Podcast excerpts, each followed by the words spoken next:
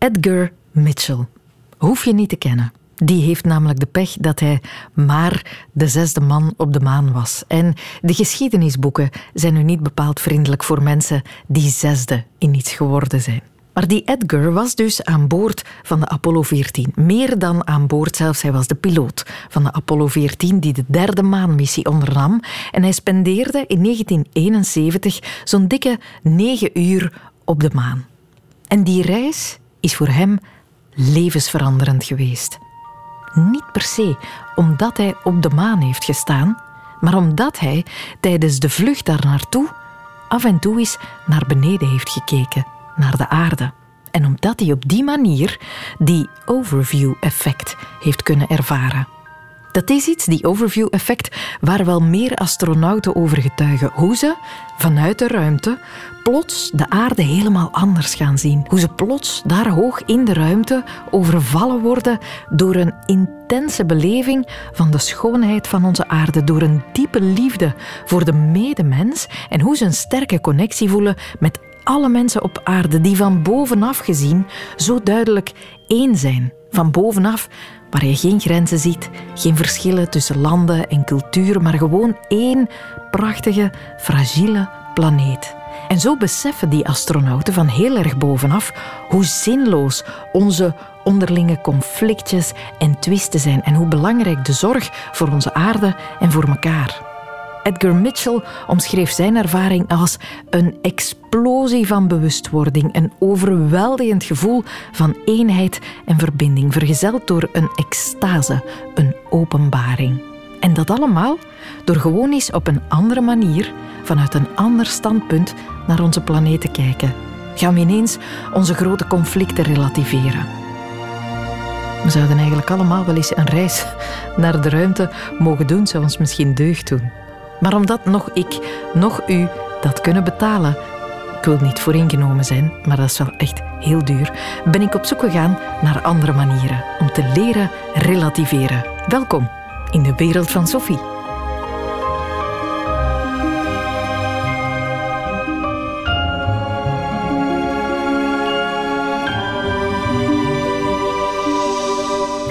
Daar komt relativeren eigenlijk op neer. De dingen vanuit een ander perspectief gaan bekijken, vanuit een ander oogpunt, waardoor je er een andere indruk van krijgt. Tot nieuwe inzichten komt, er een nieuwe betekenis aan gaat toevoegen. En in het beste geval helpt relativeren je dan de wereld als minder negatief, moeilijk, beangstigend, stresserend of bedreigend te ervaren. En dat maakt het leven dus een beetje plezanter als je het goed kan. Tip 1 om te leren relativeren komt van Wim Helse, cabaretier, tv-presentator in Winteruur onder meer. Vrij geniaal in zijn one-man-shows, maar soms ook vrij zenuwachtig blijkbaar voor een nieuwe voorstelling of voor een televisieopname.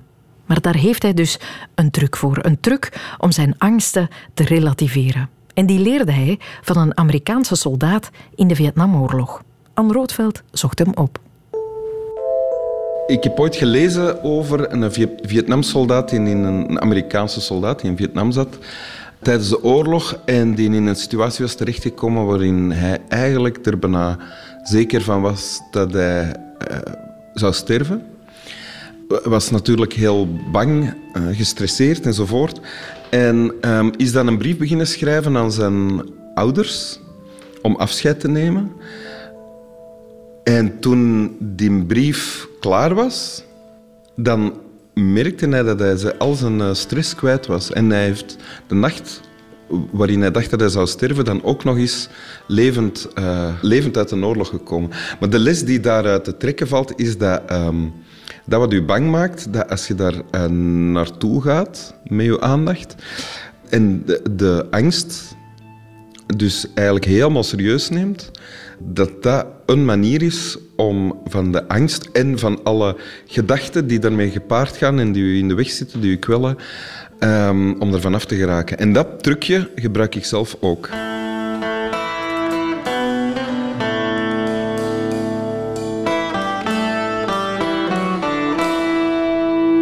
Als schrijvend uh, blijf je is het makkelijker om geconcentreerd te blijven bij dat wat u bang maakt. En dat, is dan bijvoorbeeld eh, in mijn geval een optreden. bijvoorbeeld een optreden waarvan, waarvan ik weet dat het gefilmd zal worden. Hè. Dus dan, ik weet dat zal op tv komen. En dat is stresserend, want als het een avond wat tegenvalt, als het publiek moeilijk is, als ik zelf niet goed speel, als ik uh, mijn vertrouwen verlies, dan ga ik ja, sneller spelen, minder goed, minder vrij en misschien wel slecht. Dat zijn gedachten die door die angst worden opgewekt. Die uh, bezoek ik als schrijvend. Dus ik ga als schrijvend het uh, worst case scenario bezoeken in mijn verbeelding. Dus dat betekent uh, ja, dat het slechter is dan eender welk optreden dat ik al voordien heb gedaan. En dat kan. Hè. Maar het komt wel op tv. Dus allemaal mensen op tv gaan dan zien dat het, ja, dat het op niks trekt. Gaan dan uh, zeggen van ja, die Wim wat is dat eigenlijk? Dat is, en, en uiteindelijk beland ik bij het punt waarbij ik mijn, de job die ik nu doe en die ik graag doe, dat ik die niet meer kan uitoefenen omdat niemand nog wil komen kijken naar, naar dat figuur. Dus wat ik nu in een paar zinnen zeg, daarbij kom ik uit. Dat weet ik niet vooraf, dat ik daar ga. Maar daarbij kom ik dan uit als schrijvend. En dat is eigenlijk, eigenlijk um, tot in het absurde toe neem ik dat dan ook serieus. En als het dan zou komen tot op het punt dat ik um, dus niet meer op een podium mijn beroep kan uitoefenen, ja, dan is er de volgende fase. Dan heb ik die, die angst beleefd en dan denk ik van ja, maar ja, voor ik op een podium ging staan, was ik eigenlijk ook niet ongelukkig. Er zijn nog wel andere dingen uh, die ik kan doen met mijn leven die mij ook voldoening geven. Uh, want dat was toen ook zo en misschien is het dan gewoon afgelopen en is het niet meer dan dat. Er zijn miljoenen, miljarden mensen die nooit op een podium staan en die ook uh, gelukkige levens leiden. En dan komt er rust. En um, tegelijkertijd is er natuurlijk nog altijd de wens om het wel goed te doen die avond. En de afspraak is ook sowieso dat ik op het podium ga staan. Maar die angst die maakt dan ruimte voor ja, de mogelijkheid van plezier en vrijheid. En, uh, ja, en, en laten gebeuren wat er in het beste geval kan gebeuren.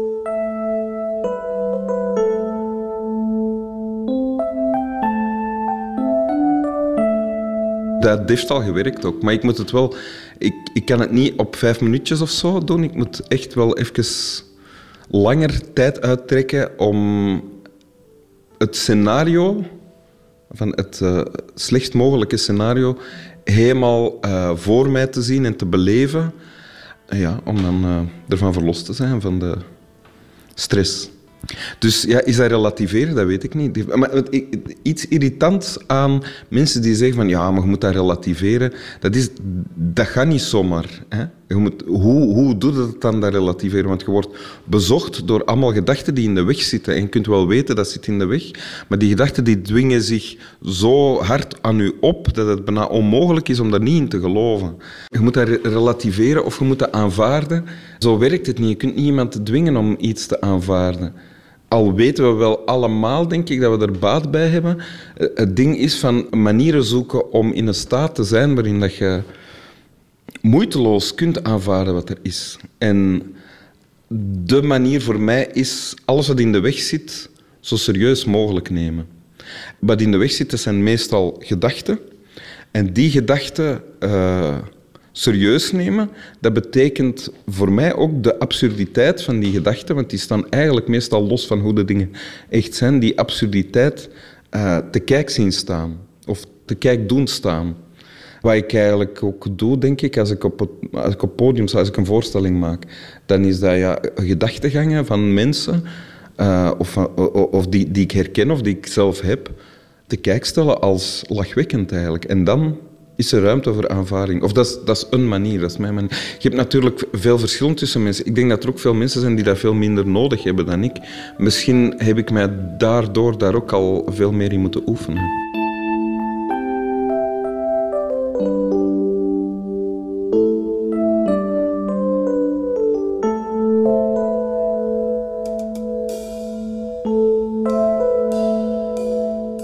Mensen kunnen uh, zichzelf wijsmaken dat ze uh, dingen relativeren, wat ik ook al heb gedaan. Maar dat is jezelf een houding aanmeten. Een houding aanmeten van, degene die, van de je foutiste, van degene die niet bezig is met uh, de zever waar alle andere mensen mee bezig of zoveel andere mensen mee bezig zijn. Maar dat is geen um, vruchtbare houding, denk ik.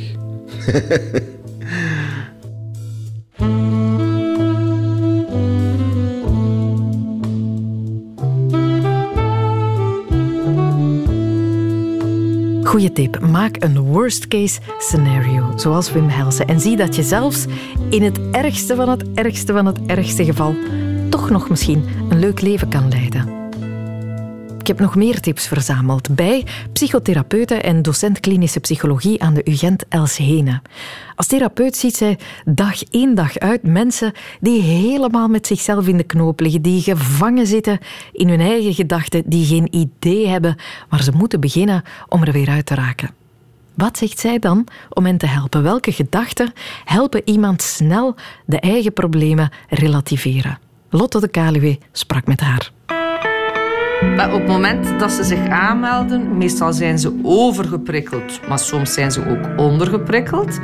Dan is eigenlijk mijn eerste taak om daar iets meer rust in te krijgen. Want als je in, in onrust zit, of als je veel pijn hebt, of als je niet lekker in je vel zit, dan, dan kun je ook bijna niet relativeren. Dan staat je alarmsysteem continu aan. En ja, dat is ook denk ik iets wat, wat de bedoeling van ons alarmsysteem is. Maar van zodra dat je dan uh, echt probeert uh, mensen in een iets rustiger vaarwater te krijgen, dat ze zich ook iets beter voelen in hun vel en dat die klachten die er op dat moment zijn iets minder worden, dan ontstaat er ook echt wel wat ruimte. En ruimte betekent niet dat je continu bewust bent van het feit dat je gedachten moet sturen, maar betekent wel dat je zowel tijdens de sessies als tussen de sessies als op allerlei andere momenten kunt uh, iets meer gaan bepalen wat voor jou er echt toe doet.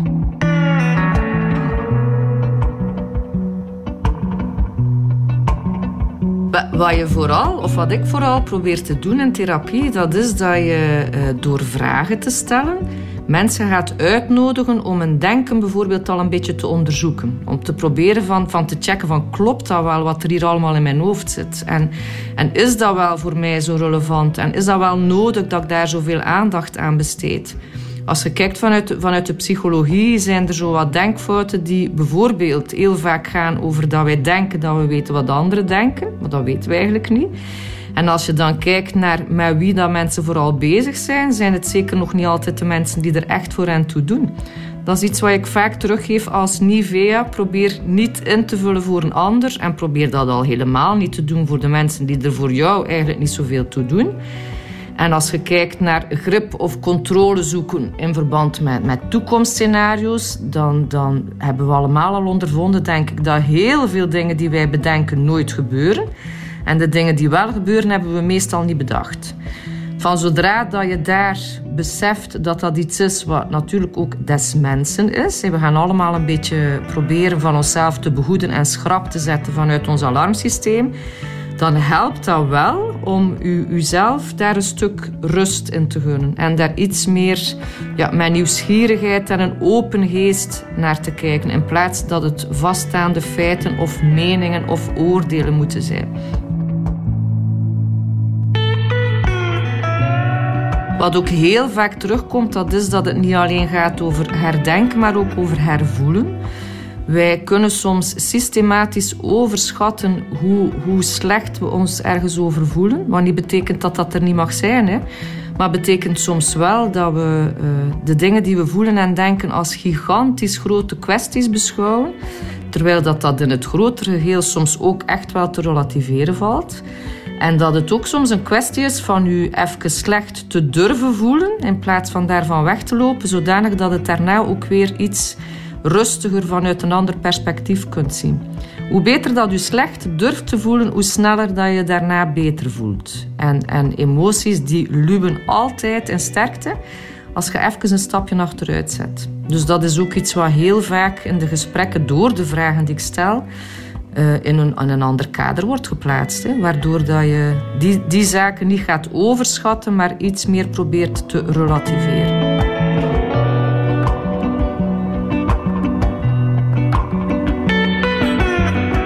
Iets wat ook heel vaak overschat wordt, dat is dat heel veel mensen denken dat ze in hun leven eh, de grote prestaties moeten afwinken en een grote droom moeten hebben en ook echt moeten weten waar ze met hun leven naartoe gaan. Terwijl dat, dat in de praktijk eigenlijk ook helemaal niet zo is. Het gaat niet over de betekenis, het gaat over een betekenis op dat moment.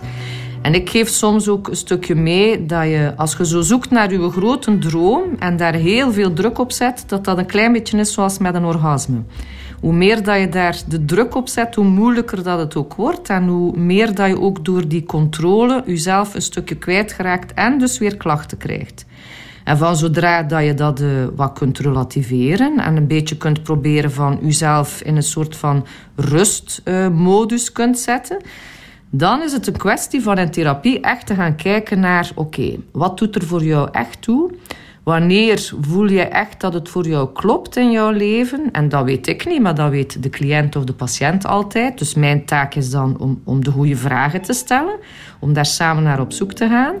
En van daaruit ook uh, in plaats van de controle in ons hoofd en zo u vast te zetten in uw gedachten, eerder een beetje speelruimte te creëren.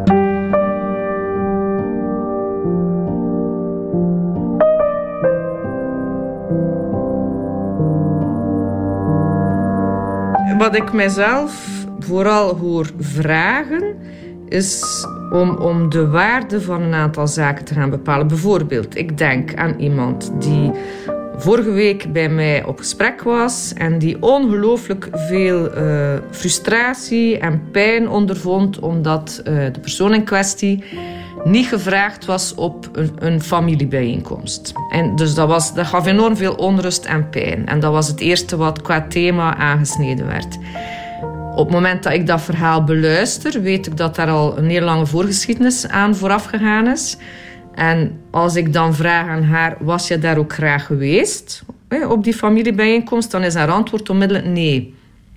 En dan heb ik zoiets van, oké, waarom voelde dan voor uzelf zoveel pijn en onrust, omdat het eigenlijk voor jou ondertussen al duidelijk is dat dat niet per se de mensen zijn die jou veel, nog altijd veel geven of veel, veel energie, dat je daar veel energie uit krijgt. Dus ik ga niet zozeer uh, het afzwakken of afvlakken met, met allerlei dooddoeners, maar ik ga wel proberen van mensen te stimuleren om zichzelf de belangrijke vragen te stellen. Van, doet dat er voor mij nu echt toe? En zo ja, dan is dat wel belangrijk om daar meer aandacht aan te besteden. Maar heel vaak zitten we een soort van vast in ons denken, omdat we denken dat het zo hoort dat we daar op die familiebijeenkomst moeten zijn. Of dat het niet anders kan dat we daarbij aanwezig moeten zijn. Terwijl dat, dat in dit verhaal, en dat wist ik pertinent zeker, voor haar eigenlijk wellicht niet de beste optie was.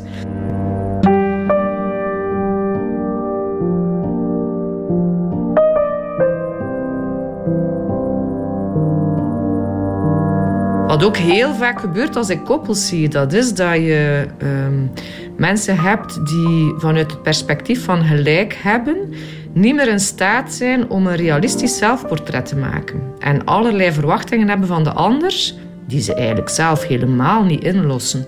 Dus van zodra dat we heel veel dingen verwachten van de ander vanuit een soort van oordeel of een of andere leefregel die we ooit geleerd hebben, dan, dan voel je dat daar eigenlijk ook heel veel energie verloren gaat aan dingen die er op dat moment misschien niet echt toe doen. En dat is ook iets wat ik vaak probeer te bevragen en, en ook probeer te spiegelen.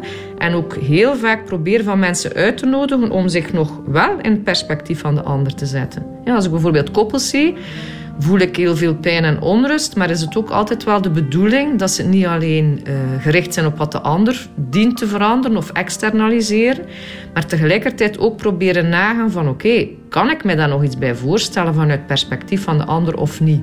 Kan ik dan nog? Slaag ik daar nog in?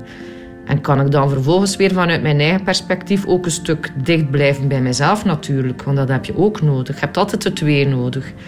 Maar hoe vaster dat mensen zitten in een eigen perspectief, hoe, hoe rigider dat ook is, hoe meer dat je ook ziet dat ze niet terug naar dat overzicht geraken. Want hoe meer dat ze dan ook een stuk verloren blijven lopen, omdat ze zo met de hakken vastzitten vanuit een bepaald oordeel. En een oordeel is eigenlijk ook maar een mening, wat heel subjectief is van één persoon natuurlijk. Hè.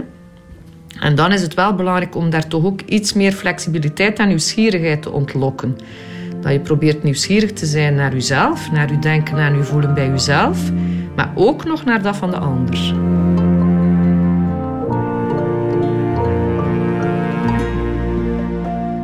Wat een bulkje levenswijsheden. Op amper een paar minuten tijd. Els Hene was dat en haar tips om grote zorgen een beetje te relativeren.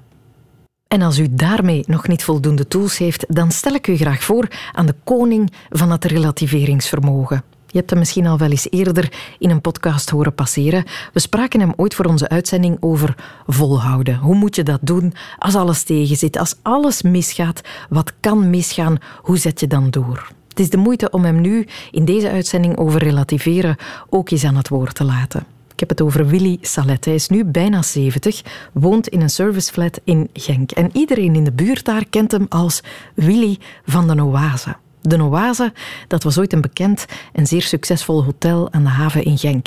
En toen was het dat niet meer. Willy van den Oase maakte mee wat niemand ooit wil meemaken. Maar negatief stemt het hem hoegenaamd niet. Een verhaal van Wart Bogaert. Ik ben in uh, Oase terechtgekomen in 1973. Toen was ik binnenschipper en toen Hotel Oase, dat lag vlak aan de haven in Genk. En daar heb ik mijn vrouw leren kennen en toen zijn we samen aan de Oase overgenomen. En dat was toen uh, toch wel de top. Personeelsfeesten en de eindjaarsfeesten en de kerstfeesten. En, ja, dat was een mooie tijd. Fort Genk was toen het, uh, het moederhuis, gelijk altijd geweest in Limburg. En wij zaten op twee kilometer van, uh, van de fort af. Dus we hadden veel hotelgasten, veel Duitsers en alles. En ja, dat was een mooie tijd.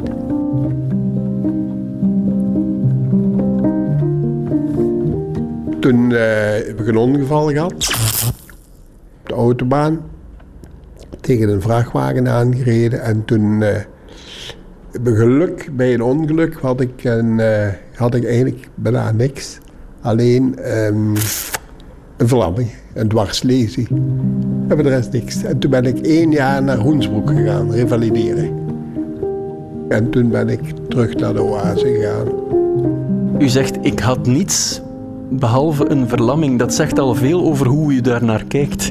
Ja, in vergelijking met, uh, met andere zaken. Als je dan een, uh, jaar in Hoensbroek zit en je ziet er veel jonge mensen met een tumor in de ruggengraat en, en van alles.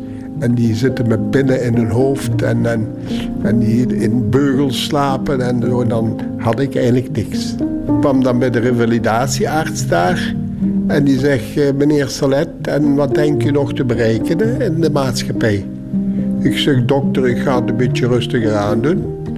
Zo naïef en dom dat ik was. Ik zeg, ik ga stoppen met skiën. Ja, ik ging heel graag eh, skiën op winterverlof. En ik ga dit en ik ging dat. En die dokter zegt tegen mij, meneer Salet, wie zegt dat jij nog ooit uit die rolstoel komt? En toen dacht ik bij maar jij is een onnozelaar. Dan zal ik wel eens laten zien.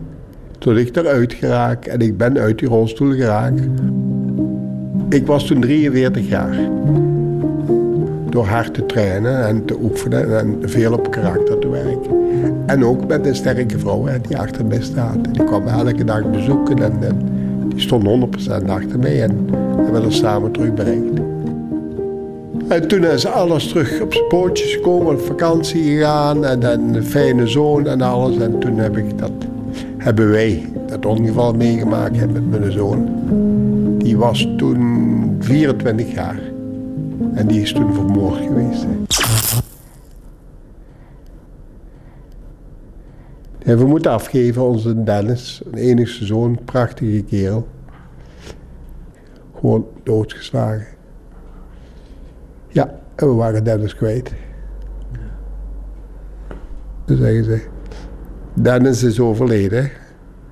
En dan is dat, uh, ja, uh, dat zorgt de wereld even in. Hè. Maar daar hebben we fantastisch omringd geweest, ook door vrienden en, en bekenden en personeel en alles. Heeft iedereen goed zijn best gedaan en daarom hebben we dat nog goed overleefd.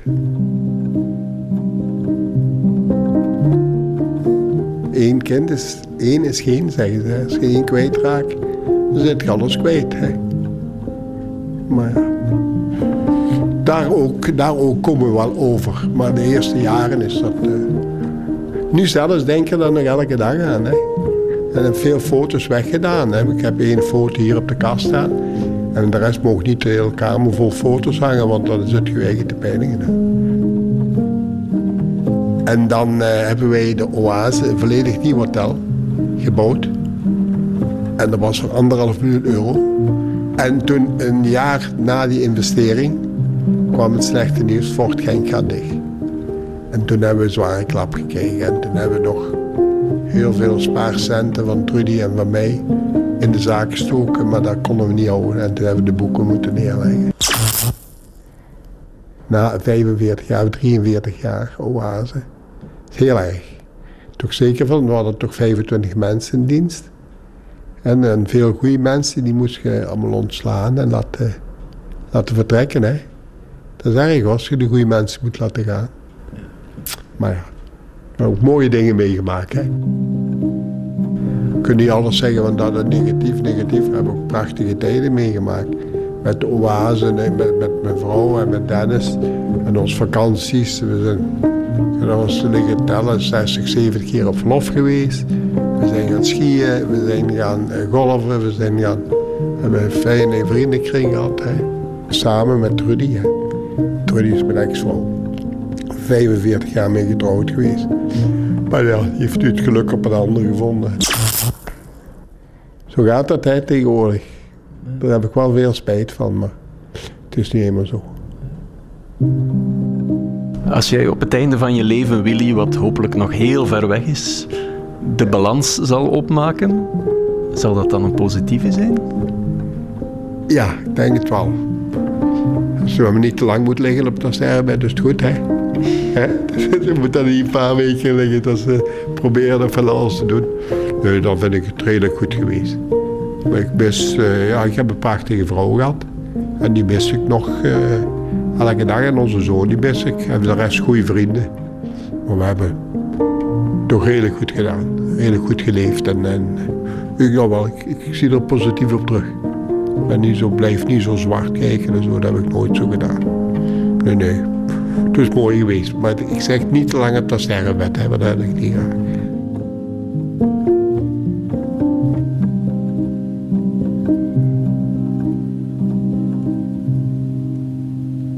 Willy Salet zet alles in perspectief. Ook onze eigen problemen. Hè. Als hij dit kan dragen, dan kunnen wij de Jan Bras met de buren misschien ook nog wel aan.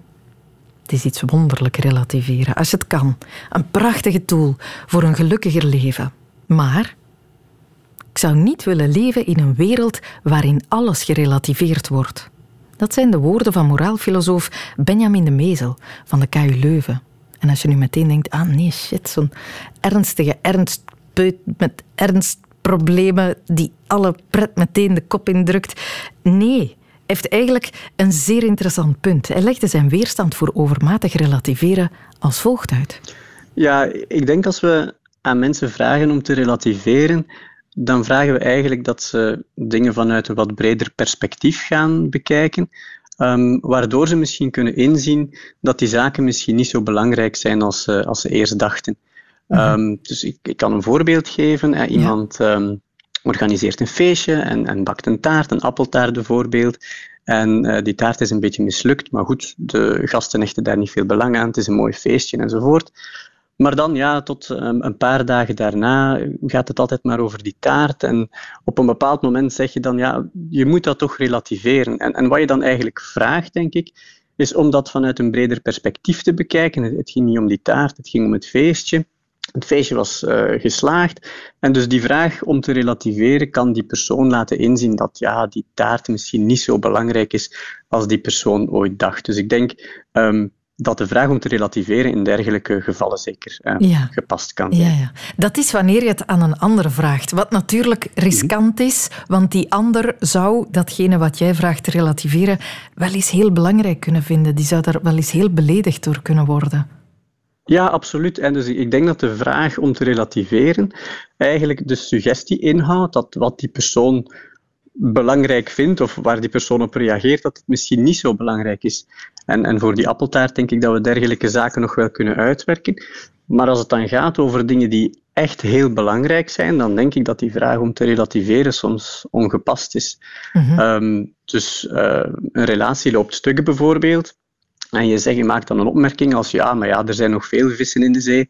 Dat is een heel vervelende opmerking. Mhm. Het is in zekere zin een vraag om te relativeren, omdat je vraagt om niet meer op die ene relatie of die ene vis te gaan focussen, maar om, om uit te zoomen, dus om een breder perspectief in te nemen. Maar die persoon ziet die ex-geliefde op dat moment nog wel als iemand die heel belangrijk is. Die persoon is er nog niet klaar voor om dat breder perspectief in te nemen. Je kan iemand niet dwingen om dat te doen. En ik denk ook niet dat het rationeel is of goed om dat altijd te doen of te snel te doen. Ehm, dus, dus, stel u een wereld voor waarin iedereen altijd onmiddellijk een relativerende houding zou aannemen en zou zeggen, ja inderdaad, er zijn nog meer vissen in de zee, dan denk ik dat we dat soort wereld misschien niet zouden willen. Ehm, omdat het eigenlijk inhoudt, als je onmiddellijk dat perspectief kunt aannemen, ja, dat je die relatie misschien niet zo heel belangrijk vond. En als mhm. uw partner dat doet na een relatiebreuk en die gaat onmiddellijk zeggen, ach ja, er zijn nog meer vissen, dan denk je, hechten die wel echt belang aan de, de voorbije 30 jaar niks betekend voor u. Voilà, ja. Ja, ja, en, en, ik denk dus dat het gaat over zaken die erg belangrijk zijn, dat we vaak willen dat mensen zich daarop focussen en niet te snel gaan uitzoomen. Ja, de ehm, dingen waar, die je moeilijk kan relativeren, dat zijn de dingen die voor jou van grote waarde zijn. Absoluut, ja. Ik denk dat die vraag om te relativeren nog erger wordt um, als het gevraagd wordt van mensen die iets verschrikkelijks meemaken, zoals uh, het overlijden van een partner of de, de ernstige ziekte van een kind of ook mensen die in een oorlogssituatie zitten, uh, je kan eigenlijk tegen die mensen niet zeggen van je moet dat relativeren. Omdat dat voor een deel ook zeggen is, je vindt het belangrijker dan het is. Maar die zaken zijn gewoon zo van fundamenteel belang dat die vraag om te relativeren volgens mij ongepast is. Mhm. Ja, ze kunnen het misschien zelf doen, uit eigen beweging iets proberen te relativeren. Je kan het een ander niet gaan opleggen. Dat denk ik, ja. Het heeft sowieso tijd nodig, ja. Zijn er grenzen aan relativeren? Zijn er dingen die we volgens u niet, nooit mogen relativeren? Ja, ik denk het wel. Een, een, een, type voorbeeld hier is bijvoorbeeld de Holocaust. Die moet je niet relativeren. De vraag om te relativeren daar is zeer ongepast. Het gaat dus over dingen die we van fundamenteel belang of van fundamentele waarde achten. En ik denk als je daar te veel gaat relativeren, het perspectief te breed gaat maken, dat het gevaarlijk kan worden. En dus te veel uitzoomen, denk ik, kan gevaarlijk zijn, omdat je dan uiteindelijk bij een perspectief uitkomt waarbij je zegt, ja, in het licht van de eeuwigheid zijn wij allemaal maar stipjes en we lopen tijdelijk rond op die aarde. Die, dat is een bolletje dat rondzweeft in de ruimte. Als je mhm. zo ver gaat, gaat uitzoomen, dan lijken onze menselijke relaties ook veel van hun belang te verliezen. En natuurlijk, vanuit een dergelijk kosmisch perspectief zou je kunnen zeggen, is niet meer duidelijk waarom de ernstige ziekte van een kind zo belangrijk is. Maar vanuit, een, een vanuit zo'n perspectief lijkt niks nog echt belang te hebben.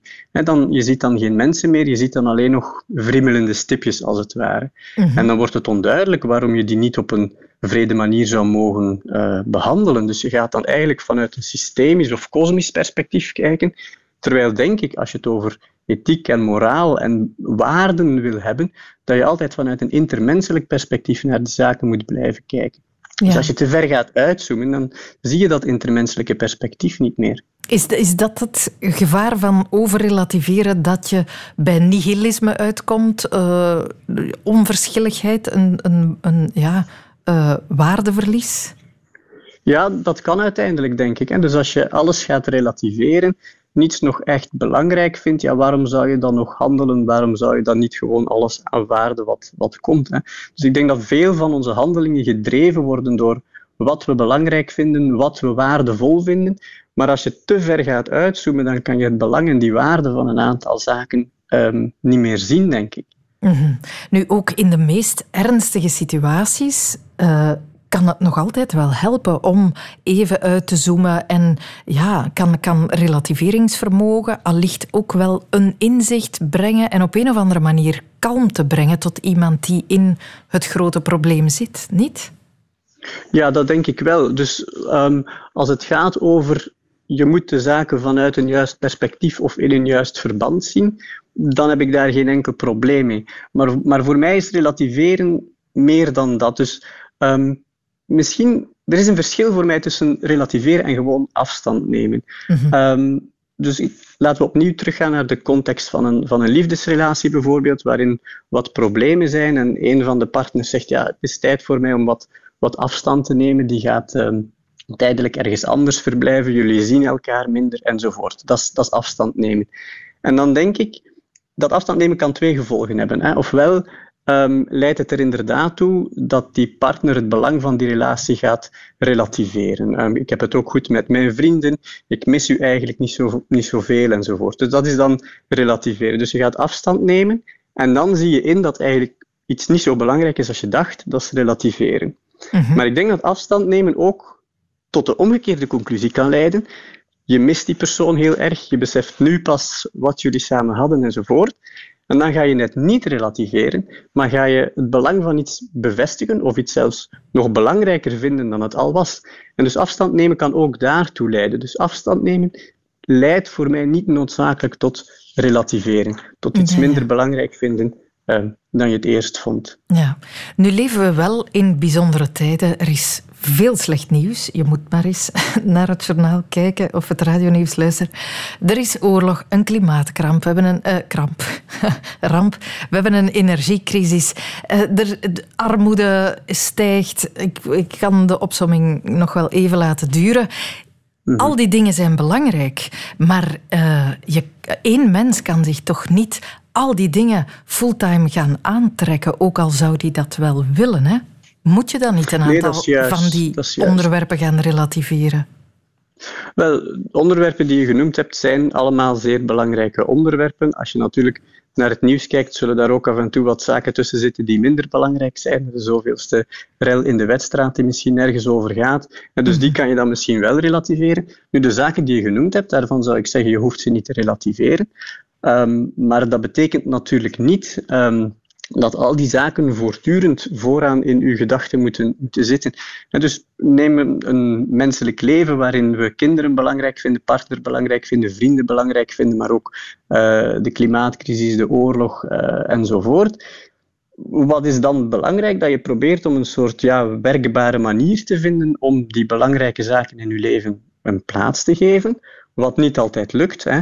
Ehm, soms worden we zozeer in beslag genomen door bepaalde dingen dat onze levenskwaliteit daaronder leidt. Maar ik denk dat dat een risico is dat we niet uit de weg mogen gaan. Dus ik zou eigenlijk niet in een wereld willen leven waarin niemand nog ergens wakker van ligt, omdat hij op voorhand besloten heeft dat niks echt belangrijk is. Ja, of ik kan er toch niks aan doen, dat idee. Ja, ja en met, met zo'n ingesteldheid kan je bijvoorbeeld ook niet aan een, aan een liefdesrelatie beginnen. Als je voortdurend van bij het begin in je achterhoofd houdt, ach ja, er zijn er nog veel, hoeveel moeite ga je dan nog doen? Wat drijft u dan om voor die zaken te vechten? En dus ik denk, mensen kunnen niet alles en zeker niet alles tegelijkertijd. We moeten keuzes maken, we zijn, we zijn feilbaar, kwetsbaar, onvolkomen. We kunnen niet alles een plaats geven uh, in ons leven. Maar ik denk dat het relativeren en zeggen, ach ja, het is allemaal niet zo belangrijk, dat dat niet de juiste reactie is. Mhm. Dus ik, zou, ik, ik, zie liever een reactie waarbij iemand zou zeggen: Kijk, al die zaken zijn belangrijk, maar we moeten nu eenmaal keuzes maken in wat we doen en waar we het meeste belang aan hechten. Ja. En natuurlijk, die keuzes zijn soms moeilijk, die keuzes zijn tragisch. Je kan niet altijd zoveel plaats geven als je zou willen in je leven aan die belangrijke zaken. Maar ik denk niet dat de oplossing is om die tragische keuzes volledig uit de weg te gaan door te zeggen: Ja, niks is nog belangrijk. We kunnen een pak relativeren en het zal ons in heel veel gevallen geweldig deugd doen om een voorval gewoon weg te lachen. Geweldig deugd, echt geweldig. Leven het relativeren. Maar je kan niet alles relativeren. Onze waarden, de dingen die we echt belangrijk vinden, die belangrijk zijn, die blijven de strijd en ons engagement waard. De wereld van Sophie. Radio 1. Bedankt om te luisteren.